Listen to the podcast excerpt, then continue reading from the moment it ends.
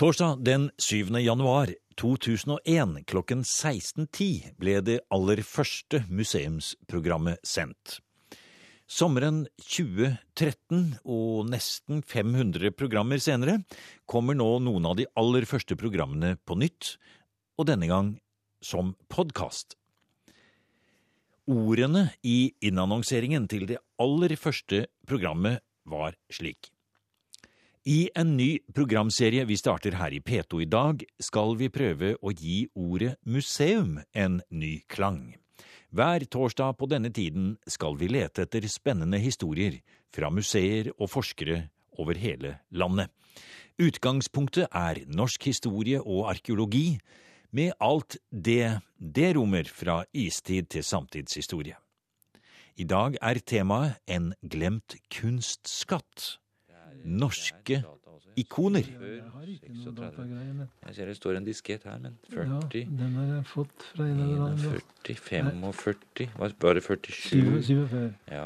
Vi er på besøk hjemme hos en pensjonist i Oslo.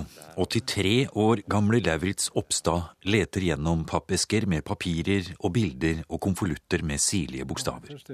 ja, men vi ser dette er nummer 23, Trøgstad bygdemuseum, og da kan du gripe Alt er nøyaktig arkivert.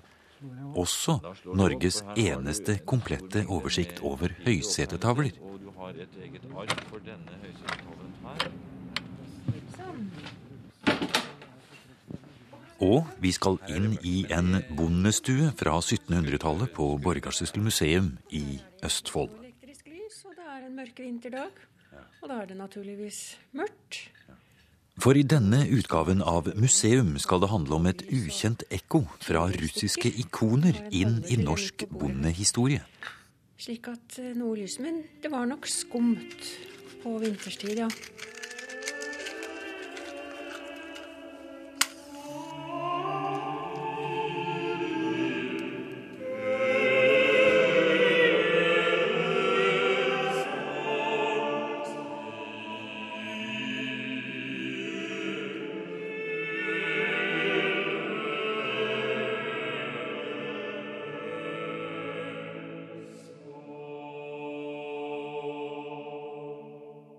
Har vi ikoner i Norge?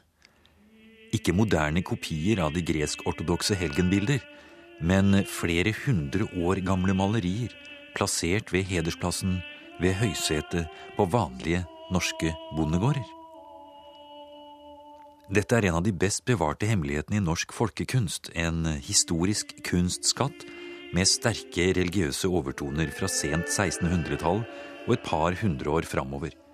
Ingen kunsthistorikere har interessert seg for dette materialet, og denne lavstatuskunsten har fått ligge i fred i magasinene på de få museene som har høysetetavler i sine samlinger.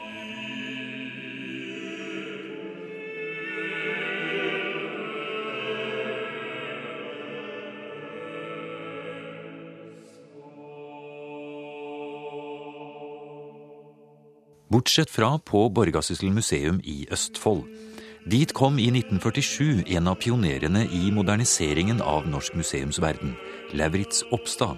Han ble Østfolds første fylkeskonservator, før han i 1967 flyttet til Oslo, hvor han i 20 år ledet Oslo Kunstindustrimuseum. Som pensjonist er Oppstad fortsatt aktiv, og ga nylig ut boken Bondens bilder på Valdisholm forlag hvor høysetetavlene for første gang blir beskrevet og registrert på en profesjonell måte. Oppstad forteller at mens han var fullt opptatt på 1950-tallet med populariseringen av museet, med bl.a. direkteoverføring i radioen av Smålensmarten med Leif Rustad og titusenvis av publikummere, var det ett prosjekt som alltid sto øverst på den vitenskapelige arbeidslisten, men som stadig ble skjøvet unna.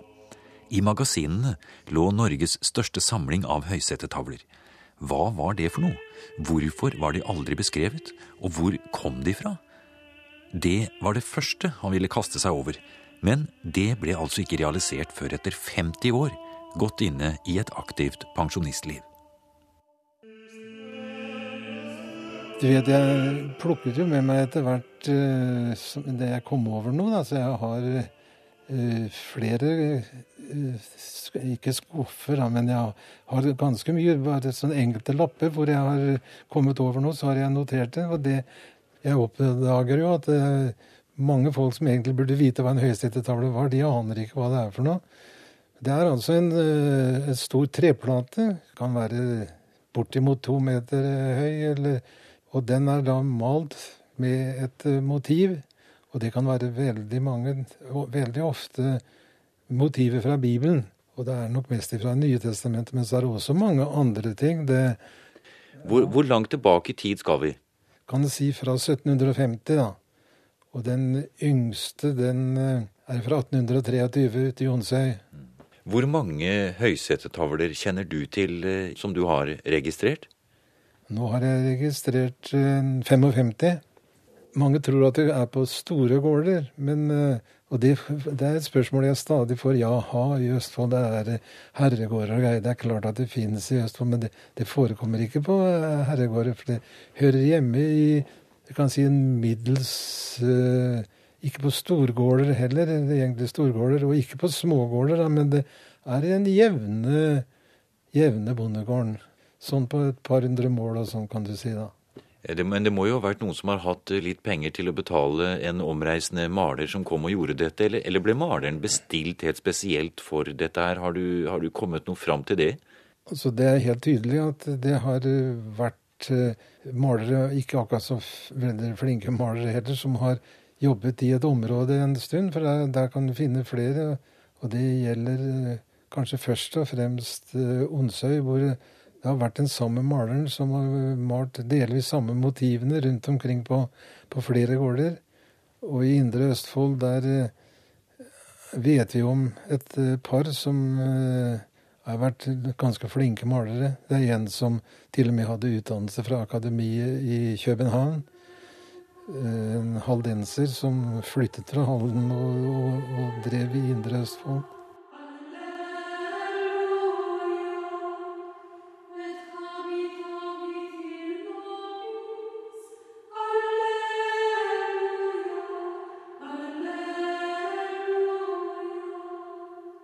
Legger vi den oppå her. er en lystavle. Det ser du til og med jeg står og holder ja. støtter tavla. Jesu dåp. Denne er min sønn, den elskelige, i hvilken jeg haver min velbehagelighet. Hører ham. Sankt Matteus evangelium 3. Og så så nederst så står det i en oval, og det er Her eter jeg mitt brød, her frykter jeg min Gud. Velsignet vær den venn som her går inn og ut. Farvene har holdt seg bra her, egentlig. Det er Ja, ja da. Eh, de, de, de er naturligvis Det verste er kanskje at det er slitasjer. Ja. Og derom har det kommet over en god del historier hvorfor slitasjen har kommet. Blant annet så er det en tavle oppe fra Skiptvet eh, der er helt utslitt akkurat rundt ansiktet. Og da var jeg til og med hørt det fra han som Eh, som hadde opplevd tala i bruk, kan du si. For at om kvelden, når ungene spiste grøt, så skulle alltid kong Salomo ha en skje, så de stakk en skje med grøt opp i munnen på han, så nå er det helt utslitt ansiktet på kong Salomo på den tavla.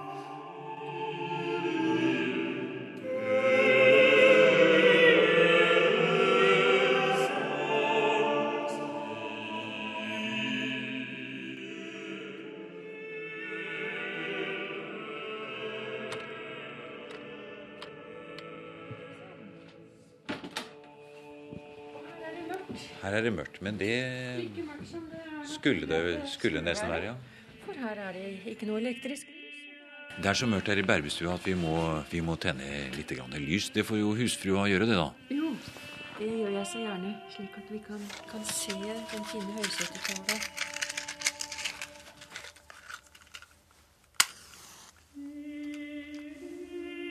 Nå tar det vel litt tid her før eh, stearinlyset tar seg opp, men her kommer det faktisk fram noen farger. Her ser vi at det røde, det lyseblå Nå ser vi noe, nå tar skjæret seg opp litt her. Mona Brammer Solhaug, hva er det vi ser her? Ja, det lurte jeg også veldig på første gangen jeg så dette her. For eh, jeg tenkte at aha, den der lysende skyen, det må jo være en eh, engel.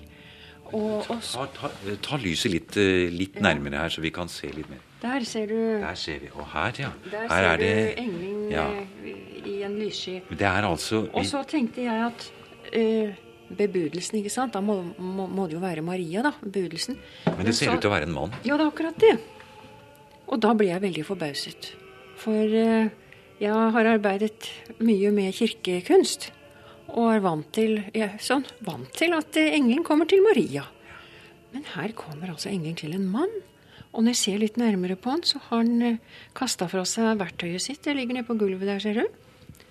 Det er vel kanskje den tømmermannen vi har hørt om? Akkurat. Han er Josef har kastet fra seg snekkerverktøyet sitt. Han har eh, ser aldeles lamslått ut. Og hodet hviler i hånden. Han ser svært ettertenksom ut. For eh, det det her dreier seg om, det er jo et bibelsk motiv. Og det bibelske motivet har ikke jeg ofte sett fremstilt i kirker. Men her finner vi det altså i folkekunsten.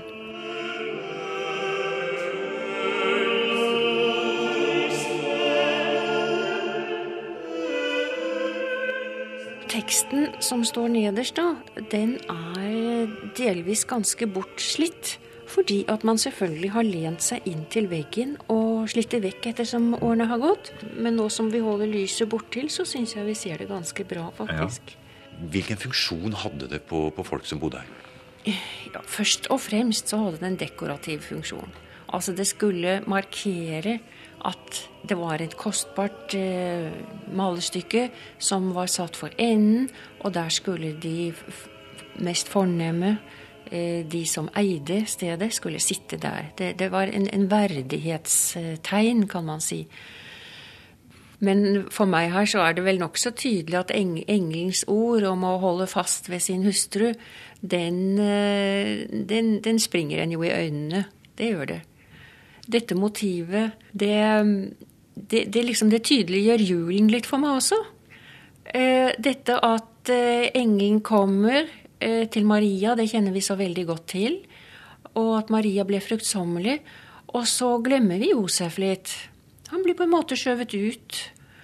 Eh, I det senere så er det ganske, ikke bare jeg, men det er flere som har eh, tatt opp dette med Josef. Og tenkt på den mannen som plutselig sitter der med sin trolovede, og hun er blitt fruktsommelig, og det er klart han er forvirret når han vet at, får vite at han ikke er faren. Og for, ikke å sette henne i forlegenhet, så tenker han faktisk på å forlate henne, for på den måte å Ja, i hvert fall ikke å antyde at de to skulle ha gjort noe slik at hun ble fruktsommelig. Og på fødselsbildene også så har vi eh, veldig ofte Josef avbildet på samme måte. Han sitter i en krok for seg selv, sånn litt stusslig, utenfor det hele, og hviler hodet i hendene og ser veldig ettertenksom ut. Nå sitter vi også i en eh, krok her oppe i Bærbystua og sitter inne i et halvmørkt, eh, gammelt, eh, fint rom, selv om det er ennå litt dagslys ute.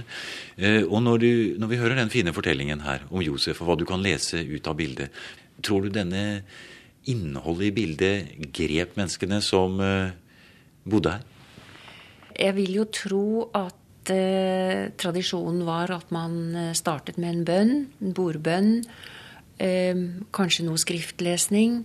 Det varierte kanskje litt fra måltid til måltid. Og da var det jo den som satt her ved enden av bordet, som selvfølgelig slo opp i Bibelen og, og, eller i huspostillen og leste. Ja, nettopp. Og da var blikkene rettet denne veien. Det er klart de var det. Og bak eh, husbonden eller husfrua som leste, så ser man altså denne store, flotte maleriet. Ja.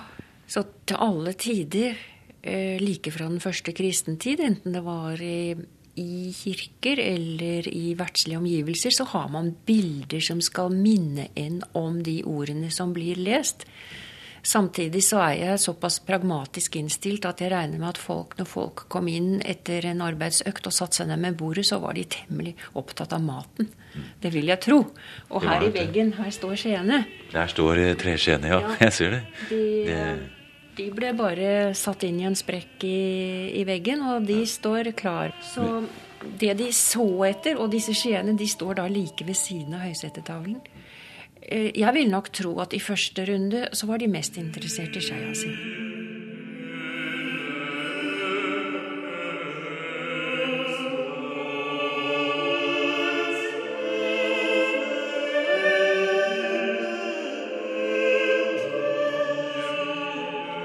Mens vi diskuterer høysetetavlenes påvirkning fra rokokkomaleriet i fargevalg og ornamenter, og hvordan hjemmenes private altere etter hvert har blitt TV-apparatet på hedersplassen, kommer vi inn på forskjeller og likheter høysetetavlene har med de klassiske ikonene.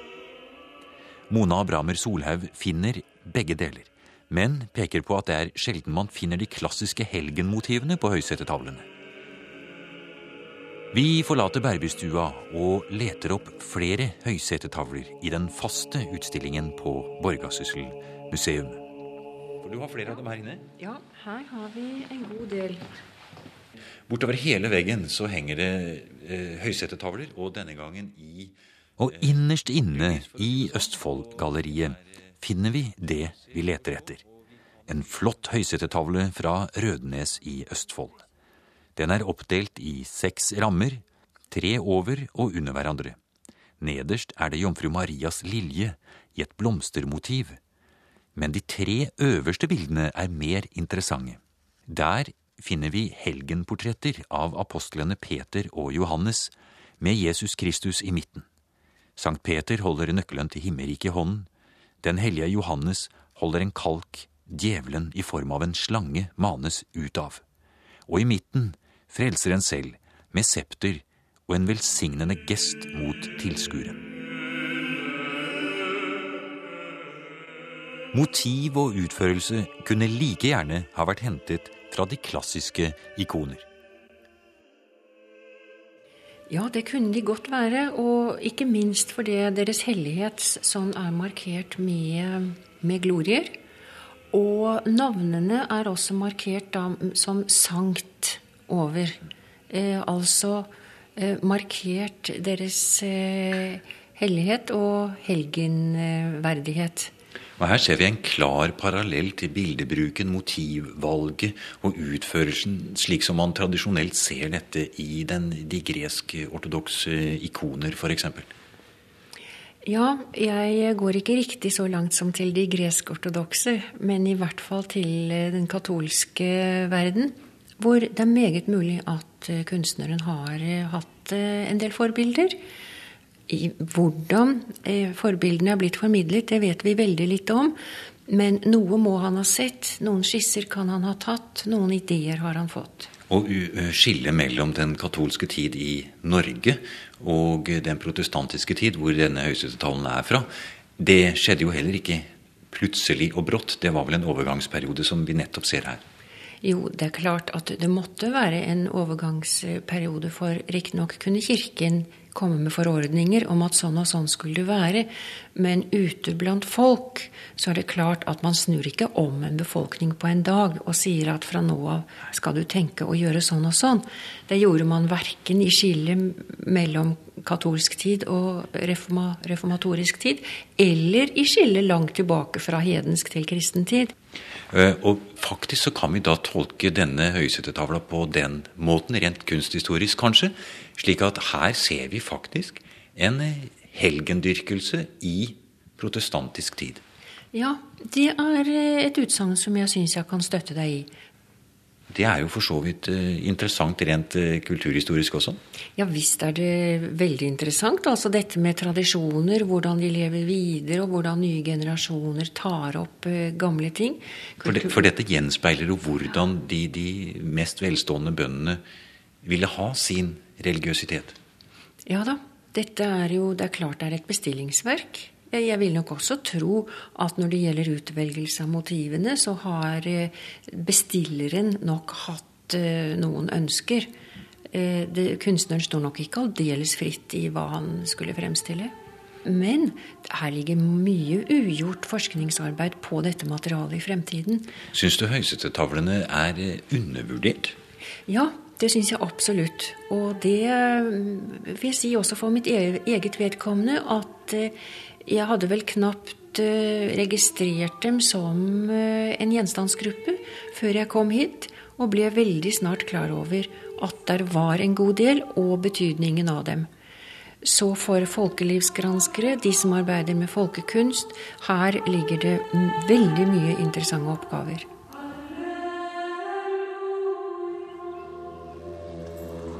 Du har nå hørt en podkast av programmet Museum fra NRK P2. Send gjerne en e-post til museum krøllalfa nrk.no.